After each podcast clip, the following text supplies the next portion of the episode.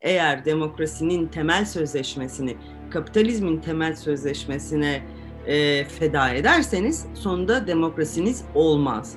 Ben Türkiye'de iktidarın kaybedebileceği, kaybedebileceği bir seçimin yapılacağını düşünmüyorum. Çünkü demokrasiyi seçimle özdeşleştirmek ve ona indirgemek daha da önemlisi zaten demokrasinin, kay, demokrasinin kaybedildiğinin en önemli göstergesidir.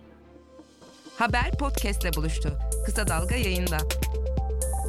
Bizi Kısa Dalga Net ve podcast platformlarından dinleyebilirsiniz. Dalga'dan ve Zor Soru'dan merhaba. Ece Temel Kur'an ile birlikteyiz bu programda. Ece ile en son bahar aylarında How to Lose a Country kitabıyla ilgili bir podcast yapmıştık ve o podcast'te konuştuğumuz şeylerin bazıları geçtiğimiz haftalarda Amerika'da gerçekleşti. Ece merhaba, hoş geldin.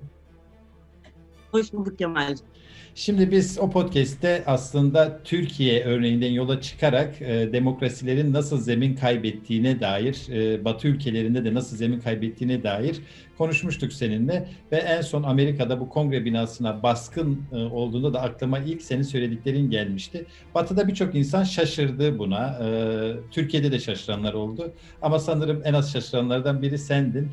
E, ne hissettin e, ve bu kongre baskını nasıl değerlendiriyorsun? Şaşırmadım değil. Yani şöyle aa nasıl böyle bir şey olur demiyor insan tabii ki. Yani biraz bu işlerin nasıl olacağı, olabileceğini tahmin ettiğim için bir öyle demedim. Ama bu kadar saçma bir şey tabii ki ben de beklemiyordum yani. E, bu, ka- bu kadar örgütsüz olmasına şaşırdım Capitol Hill e, baskınının.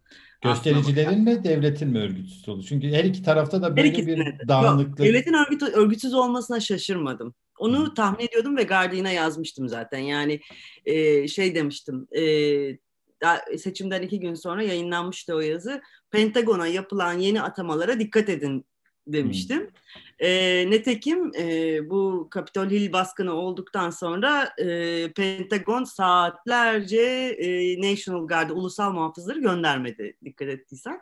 E, ve oradaki küçük nasıl diyeyim düşük mevkilerdeki atamalara da dikkat edin. Orada da bir şeyler oluyor olabilir ve e, Trump aslında e, bir darbe girişiminde bulunmak için e, kendi siyasal mekanizmasını böyle böyle küçük küçük hareketlerle kuruyor olabilir demiştim. Nitekim hakikaten de öyle oldu. Şimdi Capitol Hill'deki polis garip davrandı. Ulusal muhafızlarla bir türlü gelmedi falan filan. Yani darbe şöyle olmuyor zaten. Hayda hoppa herkes hurra birden koşturuyor. Parlamentolar ele geçiriliyor falan. Öyle bir şey olmuyor darbe. Yani içeride bir takım e, atamalar yapılmış oluyor falan. Temel savlarından biri şuydu. Yani bu Türkiye'de oluyor da bizde olmuyor demeyin. Burada da olur denilen şeylerden biri. Evet. Yani bir kere zaten hani kitabın temel şeyi e, sizde de olacak kehaneti değil. Bunun bir mekanizması var. Bu global bir mesele, yükselen sağ dalga e, ve politik kurumların e, güçsüzleşmesi. E, o yüzden elbette olacak çünkü e, eşyanın kanunu bunu gerektirir ya da politikanın kanunu bunu gerektirir demiştim. Nitekim on, öyle de oluyor. Burada önemli olan şey e, vay işte kunduz e, kürklü şapkayla adam girmiş vay ne komik işte aa bak Amerika başka ülkelerde darbe yapıyor bak kendisine de oluyor görüyor mu gibi espriler falan onlar değil hiçbiri değil en önemli şey şu. Birincisi bundan kimse sevinç duymasın. Çünkü e, bu bir domino etkisi yapar. Yani böyle olaylar. Bundan sonra artık dünyanın herhangi bir yerinde seçimi kaybeden e, otokrat, e, otoriter bir e, başkan, e, başbakan, cumhurbaşkanı e, ben bunu saymıyorum diyebilir. Gururla diyebilir çünkü Amerika'da oldu. Kendini demokrasinin e, havarisi zanneden bir ülkede oldu. E, ikincisi e, şu bakımdan çok problemli. E, İngiltere'de de aynı benzer şey oluyor, Amerika'da oluyor. E, demokrasisine en güvenen, kurum, demokratik kurumlarına en çok güvenen ülkeler artık bu demokratik kurumlara güvenilemeyeceğini öğrendi ve diğer ülkelerde bundan payını alacaktır mutlaka. Dolayısıyla kimse Amerika şakası yapmasın bence. Ama şu şaka çok iyiydi yani seyahat kısıtlılıkları nedeniyle beklenen Amerikan darbesi Washington'da gerçekleşti diye. Ya bu konuda yapılabilecek şakaların sonu yok. Çünkü bu konuda yaşanmış acıların sonu yok. Yani Latin Amerikalıları tahmin bile edemiyorum şu anda nasıl hissettiklerini. Yani Kolombiyalıların, El Salvador'daki insanların, Şili'dekilerin, Arjantin'dekilerin vesaire. Ee, ya e, şöyle bir şey var e, ki benim ilgimi en çok bu çekiyor. E, Batı demokrasileri ya kabul etmek istemiyorlar veyahut da bunu açıktan söylemek istemiyorlar ama gerçekten e, demokratik kurumlar hem uluslararası, uluslararası demokratik kurumlar hem de ulusal demokratik kurumlar neoliberal politikalar neticesinde 1980'den beri zayıfladı ve demokrasi artık kendisinin tiyatrosu olmaktan başka bir şey değil. Neden? Çünkü sosyal e, adalet yok. Sosyal adalet olmayan yerde demokrasi olmaz. Kitabın savı da temel savı da buydu zaten. Eğer demokrasinin temel sözleşmesini, kapitalizmin temel sözleşmesine e, feda ederseniz sonunda demokrasiniz olmaz. Peki, Bu zaten böyleydi. E, araya gireceğim de iki şey soracağım. Bir üzerinden geçtik ama e, bir oraya dönelim. Sonra tam bıraktığın yerden daha ileriye dönük bir soru soracağım. Bir bu girişim çok çocuksu, çok acemice değil miydi? Yani e, kongre baskını e, hani o kıyafetlerle falan simgeleniyor ama baktığımızda da bir e, örgütlülük yönü çok eksik, acemice ama hedeflenen neydi? Belki Trump buradan bir kar topu etkisi mi yaratmak istedi ki böyle bir şeye çağrı yaptı, girişti? Bir onu soracağım ne düşünüyorsun diye. E, bir de tam bıraktığın yerden e, Trump taraftarlarının ya da e, bunu genişletebiliriz işte popülist sağın tabanının e, klasik liberal demokrasiyle alıp veremediğini Birincisi e, senin dediğin şeyi tamamen kabul ederek aynısını ben sana geri söylüyorum. Evet bu kadar ciddiyetsiz, bu kadar e, yani fars gibi komedinin hani en düşük hali olan fars gibi bir hikaye nasıl Amer- Amerika'daki bütün demokratik kurumların ve devlet e, mekanizmasının e, hareket edemediği e, bir noktaya geldi. Yani tamam çok komik. Evet bence de çok komik. Yani yok artık diyeceğim bir sürü şey oldu o gün. E, ama e, bütün o kurumlarda e, bundan etkilendi ve buna cevapsız kaldılar. İşte burada zaten problem, trajedi bu. Yani bu kadar büyük bir farsın e, birçok bir kurumu paralize etmesi, felç etmesi. Bence zaten kötü olan o. Yani yoksa gerçekten örgütlü bir şey gelseydi oraya e, örgütlü bir hareket gelseydi o zaman biz gerçekten başka bir şeyden bahsediyor olabilirdik ama e, şimdi bu kadar komik komik insanlar e, bayağı yani şey gibi e, nasıl diyeyim boş zamanlarında e, devrim yapılabileceğini düşünen takım saçma sapan insanlar orayı basabiliyorlar. Bu bence çok daha korkunç bir şey. Şunu da görüyoruz. Artık böyle bir medya çünkü gelenlerin çoğu QAnoncuydu. QAnon e, işte oradaki ne diyeyim e, komplo teorilerini üreten, saçma sapan komplo teorileri üreten ve milyonlarca insanı etkileyen bir e, web sitesi, bir platform, e, internet platformu. E, New York yani Times'da birkaç komplo teorisini söyle. Ona inanan bir sürü insan var. Birkaç komplo teorisinden ve küçük alıntılar yap diyecektim. Ay hani lütfen ne kadar... yapmayalım. Çok korkunç. Ama yani e, bu garip e, bu komplo teorileri neye benzetiyorum biliyor musun? Çocuk oyunlarını her nasılsa bütün ülkede e, bütün çocuklar bilir ya onlar nasıl yayılır ben hiç anlamam yani işte niye herkes atıyorum evet. beş yakan topu aynı şekilde oynar. Bu komplo teorileri de uluslararası düzeyde böyle bir, bir saman alevi gibi yayılıyor. Türkiye'de aynıları var işte bu 5G'ciler yok e, Bill Gates kanımıza çip tak, e, sokacak bilmem ne falan. O saçma sapan şeyler işte CNN'de falan da sürekli oluyor. Tapınak şövalyeleri bilmem ne falan saçma sapan hikayeler. Ee, bun, bunları üreten bir platform ama işte gördüğün gibi ne kadar etkili. Zaten bak bu çağın en büyük problemi bu. Ee, her yerde de söylüyorum hani adaletten ve özgürlükten önce bizim şunu bir düşünmemiz lazım. Hakikatin kaybolduğu bir yere geldik. Yani eskiden eninde sonunda ortaya çıkar falan böyle bir gerçek vardı. Şimdi öyle bir gerçek yok. Zaten bütün mesele buradan çıkıyor. Yani çok bütün dünyanın yaşadığı, Türkiye'nin de yaşadığı en büyük sorun bu. Gerçek ne konusu bir açık büfe. Yani e, kim daha çok fiyatı verirse, kim daha çok parayı bastırırsa gerçeği o belirliyor. Ondan sonra da demokrasinin ne olduğunu da onlar belirliyor. Gerçek vatandaşların kim olduğunu da onlar belirliyor. İşte halkın düşmanlarının kim olduğunu da onlar belirliyor. Kötüyü ve iyiyi, yanlış ve doğruyu, güzeli ve çirkini de onlar belirliyor. Ondan sonra zaten işler çığırından çıkıyor. Hayata kulak ver. Kulağını sokağa aç. Haberi duy. Haber podcastle buluştu. Kısa Dalga Podcast. Komplo teorileri niye yayılıyor meselesi çok ilginç gerçekten. Esasen ben bir zeminin olduğunu düşünüyorum. Yani şöyle bir zemini var. Ee, demokrasi deniliyor ama gerçekte bu bir demokrasi mi? Liberal demokrasi. Ee, esasen e, işte halkın kendi kendini yönetmesi şeklindeki en e, klasik tanıma uyuyor mu? Hayır uymuyor çünkü e, büyük sermaye, şirketler, işte e, daha e, sol jargonla söylersek burjuvazi e, bu demokrasileri domine ediyor. Dolayısıyla bir e, görüntüde demokrasi var sadece. İşte eşitlik deniyor, sınıfsal eşitsizlikler çok derinleşmiş durumda. Adalet deniyor, yani liberal demokrasinin dayandığı şeyler. E, orada da zaten adalet kimden yana işliyor görüyoruz. Dolayısıyla insanların e, görünenin arkasında başka bir şey aramaya başlamaları sanki doğal ama ulaştıkları sonuç e, farklı. Yani şunu da kastediyorum bunu söylerken zamanda işte medya. E, yıllarca biz ana akım medyayı eleştiriyoruz. İşte ana akım medyanın Hı. nasıl e, manipülasyon ve yalan ürettiğini söylüyorduk. Şimdi bunu e, Trump taraftarları söylüyor. Bu, bu çelişkiyi nasıl aşacağız? Yani esasen e, dayandıkları şeyler çok da ulaştıkları sonuçlar farklı ama e, ne diyelim onlara bu duyguyu veren şeylerde bir gerçeklik payı yok mu? E, tabii ki var.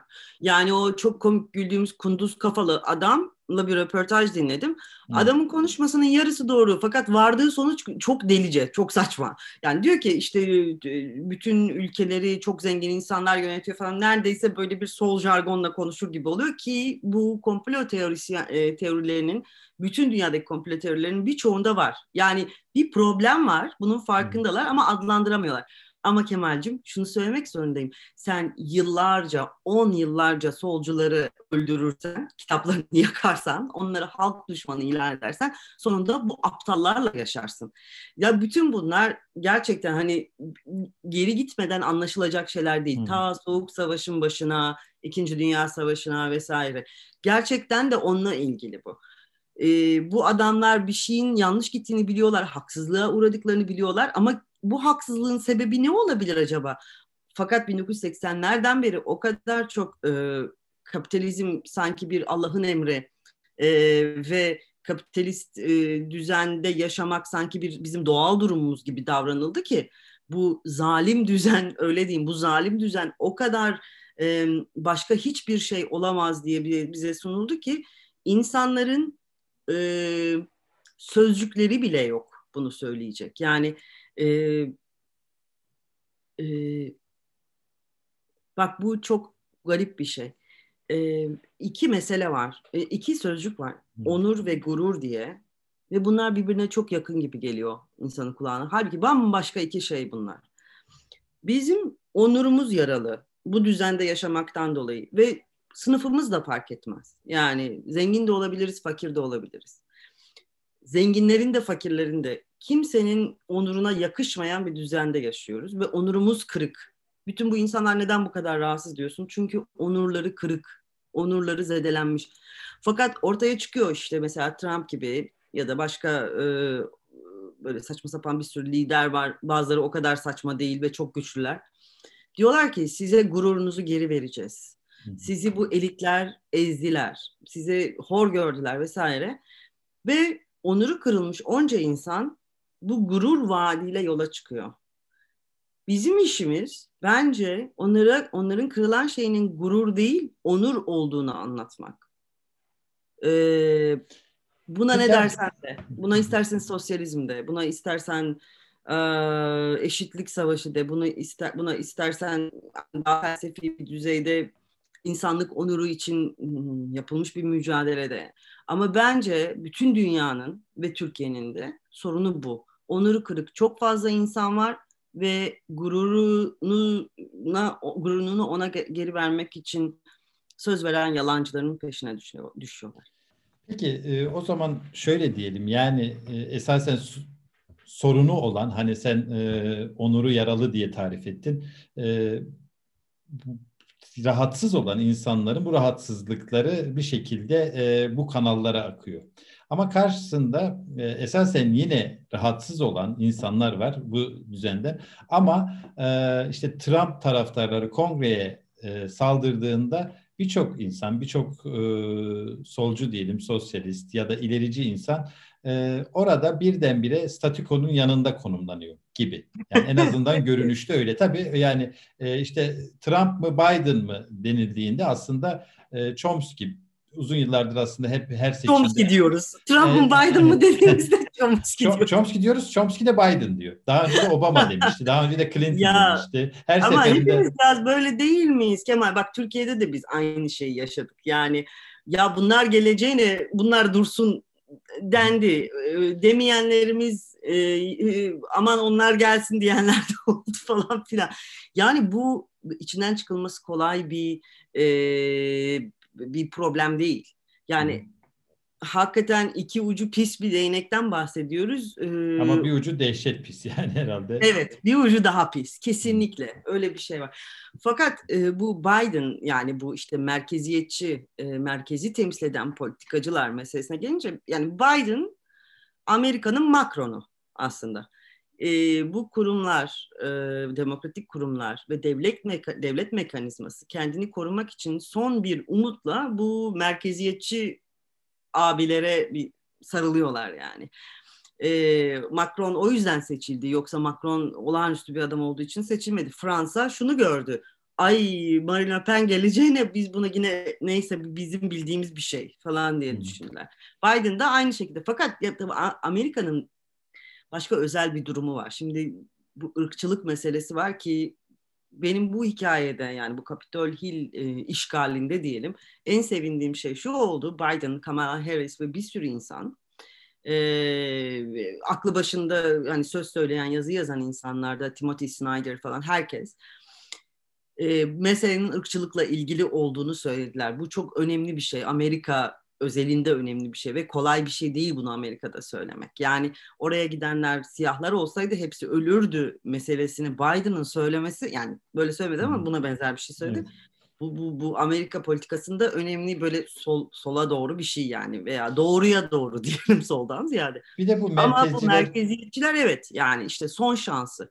Ee, yıkılmakta olan bir e, temsili demokrasi düzeninin son şansı bu adamlar oluyor. Biden da öyle.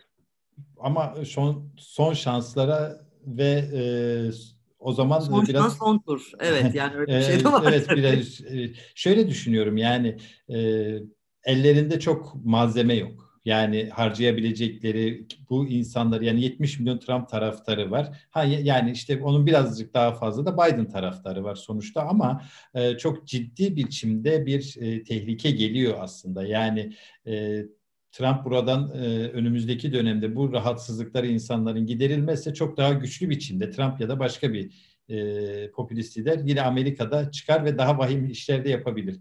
E, bu merkezdekiler dediğim Biden vesaire e, nasıl politikalar yürütürlerse bunu engelleyebilirler ya da bunun böyle bir şansları var mı sence bunu engelleme şansları?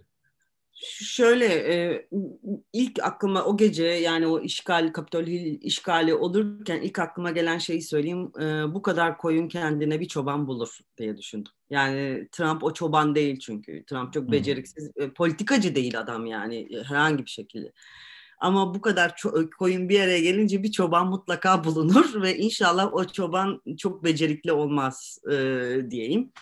E, yapması gerek yani şey e, Biden'ın veya etrafındaki ekibiyle birlikte e, yapmaya çalışacağı şey ki kendisi de söylüyor işte bir e, ülkenin e, o ruh halini e, o kutuplaşmayı tamir etmeye çalışmak. Bak inan e, inan benim kardeşim inan, inan Temel Kur'an Atlanta'da yaşıyor ve tam olayların hani e, Capitol Hill e, işgali biliyorsun oradaki seçimden başladı. Evet. Georgia'daki.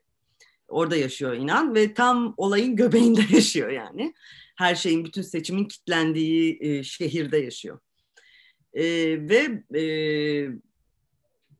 onun bana söylediği şey şu, biz burada nasıl yaşayacağız diye merak ediyorum artık.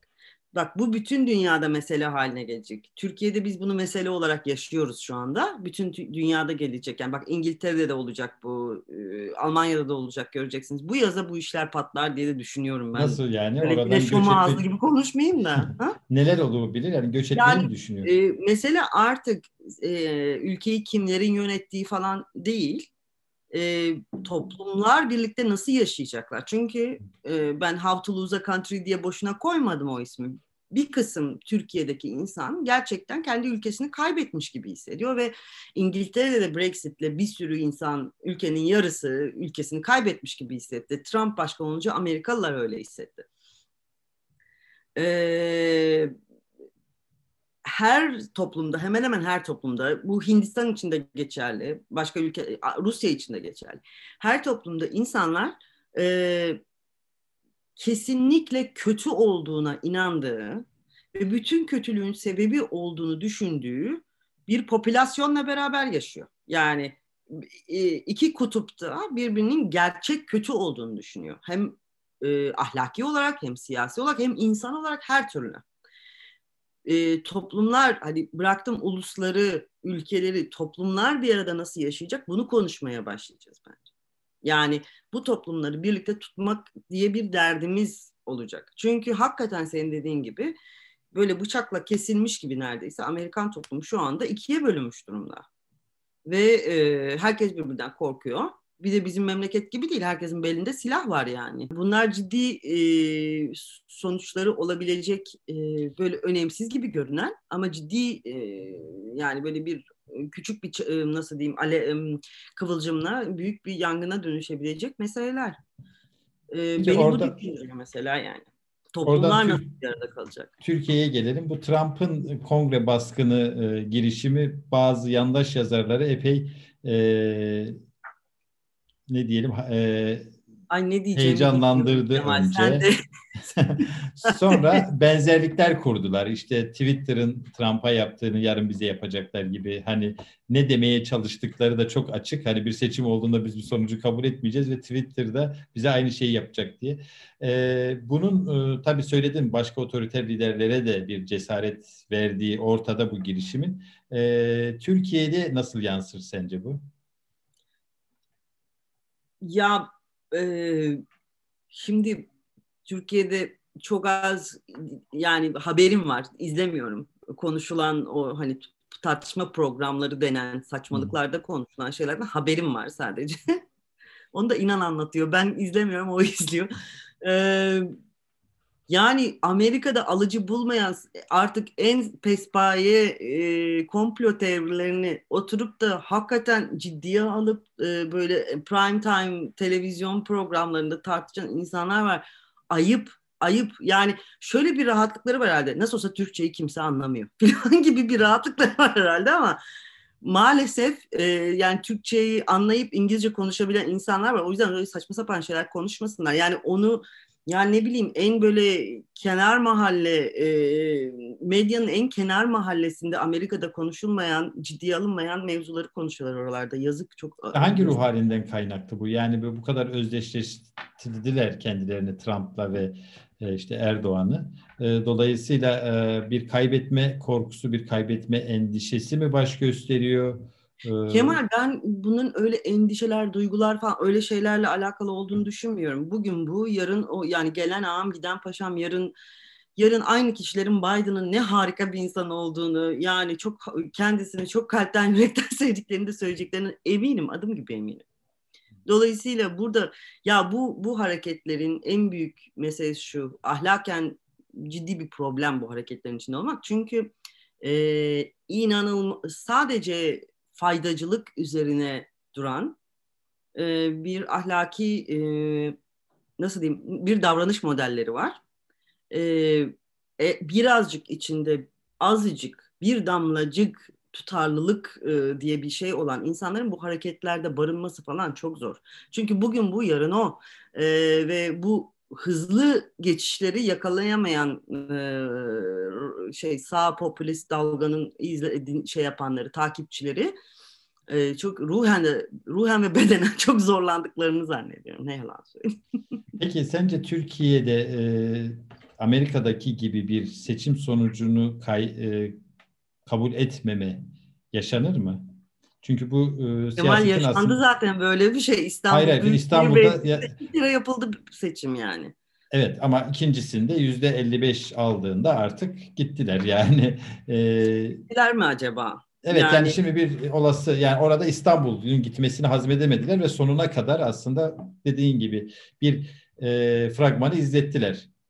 Peki evet. ama e, bir meclis genel seçiminde ya da başkanlık seçiminde de benzer şeyler olur mu dersin? Ya böyle şeyler söylemek çok sıkıntılı. E, çünkü demokratik süreçlere benim de inanmadığımı düşündürtecek bir şey oluyor şunu söylediğim zaman. Ben Türkiye'de iktidarın kaybedileceği, kaybedebileceği bir seçimin yapılacağını düşünmüyorum.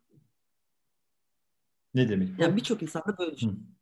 Ama bunu söyleyince de sanki hani demokratik sürecin kendisinden ümidi kesmişim gibi oluyor. Böyle düşünülmesini istemiyorum. Öyle değil. Ama e, kaybedecekleri bir seçim olacağını zannetmiyorum. E, ve ayrıca şu, şunu da söyleyeyim yani seçim o kadar önemli mi ondan emin değilim Kemal. Çünkü demokrasiyi seçimle özdeşleştirmek ve ona indirgemek daha da önemlisi zaten demokrasinin, kay, demokrasinin kaybedildiğinin en önemli göstergesidir. Başka herhangi bir şeyde demokratik süreç işlemiyorsa, yani Boğaz içindeki öğrencilere çıplak arama yapılıyorsa mesela, e, o rektör orada tutuluyorsa e, ve bu bir ihtiras meselesi haline getiriliyorsa, en gündemdeki konulardan biri olarak söyleyeyim. Veyahut da herhangi bir şekilde Türkiye'deki e, kadınlar e, ad, e, öldürüldükleri, saldırıya uğradıkları zaman adalet bulabileceklerine inanmıyorlarsa ve ben bunlardan milyonlarca, bu benzer örneklerden milyonlarca sayabilirim şimdi. Bir sürü insan öldürüldü. İnsanlar hapishanede, Osman Kavala hapishanede, Selahattin Demirtaş, yani en önemli muhalefet lideri hapishanedeyken seçim acaba öyle mi olur, böyle mi olur meselesini konuşmak şey değil, anlamlı da değil. Çünkü zaten böyle bir ortamda seçimin olması demokrasinin kaybedildiği anlamına geliyor. O seçim ondan sonra istediği kadar adil ve işte şeffaf olsun ya da olmasın. Çok ne kadar önemli acaba yani? Ama yani sonuçta şöyle bir şey var. Yani dediğini anlıyorum. Ee, demokrasinin bütün kanalları kesilmiş. Ee, hani hakikaten e, çok ağır koşullardayız. E, ve fakat e, buna itiraz etme biçimleri de baskı altında. Yani medya işte e, biz yakında e, bir e, podcast dizisi başlattık Eşit Haklar İzleme Derneği ile e, protesto hakkının nasıl bastırıldığına yönelik ki bence Türkiye'de ifade özgürlüğünü kolektif kullanma biçimi olarak protesto hakkının bu şekilde bastırılması, toplantı ve gösteri yürüyüşleri hakkının e, demokrasiye vurulmuş en büyük darbelerden biri. E, evet. Ama e, sonuçta insanlar bir çıkış yolu arıyorlar ve çıkış tek çıkış yolu da seçim olarak görünüyor. Yani e, onun da evet, hani İstanbul'da o, yapıldı bu yani bir daha yapılabilir evet. Hı. Yani şu, şunu demek istiyorum. İstanbul'da e, seçim sonucu kabul edilmemesine rağmen insanlar bir daha gittiler ve bir daha oy kullandılar ve daha da yükselerek e, oy oranı çıktı e, Ekrem İmamoğlu e, e, demek ki biz bunu hala yapabiliriz yani. Evet bu, bu dünyanın en önemli şeylerinden bir tanesi doğru söylüyorsun ve kesinlikle katılıyorum.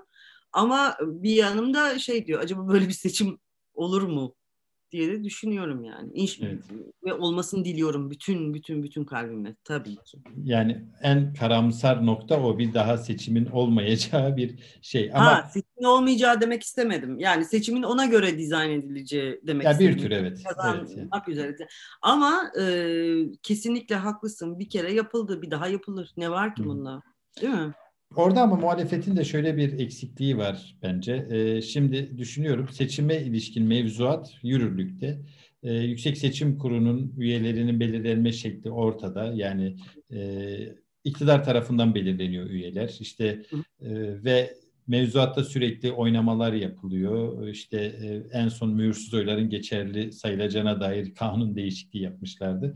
Dolayısıyla e, muhalefet daha bugünden seçim gününe yönelik hep böyle bir seçimi adres gösteriyor. İşte zaten gidecekler diye demokratik mücadeleden biraz geri duruyorlar. Ama seçim mevzuatına, seçimin sağlıklı olmasına dair de pek bir harekete geçmiyorlar.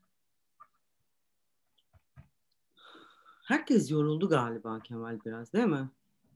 Yani bana öyle geliyor. Biraz bakınca biraz herkes yoruldu. Her bakımdan yoruldu. Bir de tabii bu korona morona yani olmadık şeyler oluyor. Küresel ısınma, mevsimler değişiyor falan. Hani bir sürü şeyi bir anda yaşıyoruz. E, muhalefetin de bir yorgunluğu var. Ama muhalefetin en büyük yorgunluğu galiba e, kendi içindeki partilerin kendi içindeki tartışmalardan da oluyor.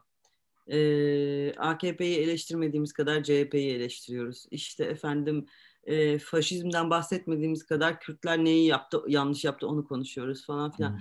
Sanıyorum bir herkesin bir kendine gelip ya bir bizim bir, bir asgari müşterek işine bir bakmamız lazım demesi gerekecek önümüzdeki günlerde ve bu ufak tefek gibi görünen yani sıkıcı ayrıntılar vardır işte Yüksek Seçim Kurulu Kanunu'nun bilmem ne maddesi evet. yok efendim meclis tüzüğünün şu maddesi falan filan gibi. Evet o işlerle de e, uğraşacak enerjinin bulunması gerekiyor. Geliyoruz ya böyle bir sanki bir iyi şeyler olacak gibi geliyor bana. Niye öyle geliyor bilmiyorum ama öyle geliyor. İyi şeyler olacak gibi geliyor. Vallahi öyle geliyor içimden. Peki bu, e, bu sadece bir his mi yoksa bir e, dayanağı var mı yoksa Türkiye'dekiler gibi an, anketlere dayanmadığını anlayabiliyorum. anket değil, anket değil. Ee, ya dünya için iyi şeyler yani kötü şeyler zaten oluyor da iyi şeyler de olacak gibi geliyor. Yeni bir e, siyasi dalga çıkacak gibi sanki yani böyle canlandırıcı bir dalga çıkacak gibi geliyor bana. Nereden Mesela, alıyorsun o şeyi? Yani uh, ipuçları yani, nerede var, nerelerde var? Minik minik minik minik bir sürü şey var. Ama esas itibariyle şöyle. E, dikkatimi çeken şey şu. Biz böyle kötü bir sürü şey görüyoruz da iyi bir sürü şeyi de görmüyoruz. Gör, gör, yani gösterilmiyor ya da nasıl diyeyim hmm. e, fazla ortada görünmüyor bunlar. Mesela dünya tarihinin en büyük e, çiftçi protestosu oldu Hindistan'da. Kaç kişi bunu okudu mesela? Herkes Capitol Hill'deki şeyi biliyor. Bütün dünya biliyor. Ee, bu salak saçma Amerika yani Trump şeylerinin salak saçma dedim. Neyse e, Trump taraftarlarının e, Capitol Hill işgalini biliyor ama kaç kişi milyonlarca işçinin Hindistan'da haftalarca dev bir direniş örgütlediğini mesela kimse bunu çok az insan konuşuyor. Böyle şeyler. Belki de bizim görmediğimiz yerlerde iyi bir şeyler oluyor Şarkı sözü gibi oldu. yani hep bulunalım evet. Peki Ece, e, çok teşekkür ederim. Ben e, teşekkür ederim Kemal. Amerika'dan sözü Türkiye'ye getirdik ve yine iyimser mesajlarla kapatıyoruz. E, ağzına sağlık, çok teşekkürler. Bizi Kısa Dalga Net ve podcast platformlarından dinleyebilirsiniz.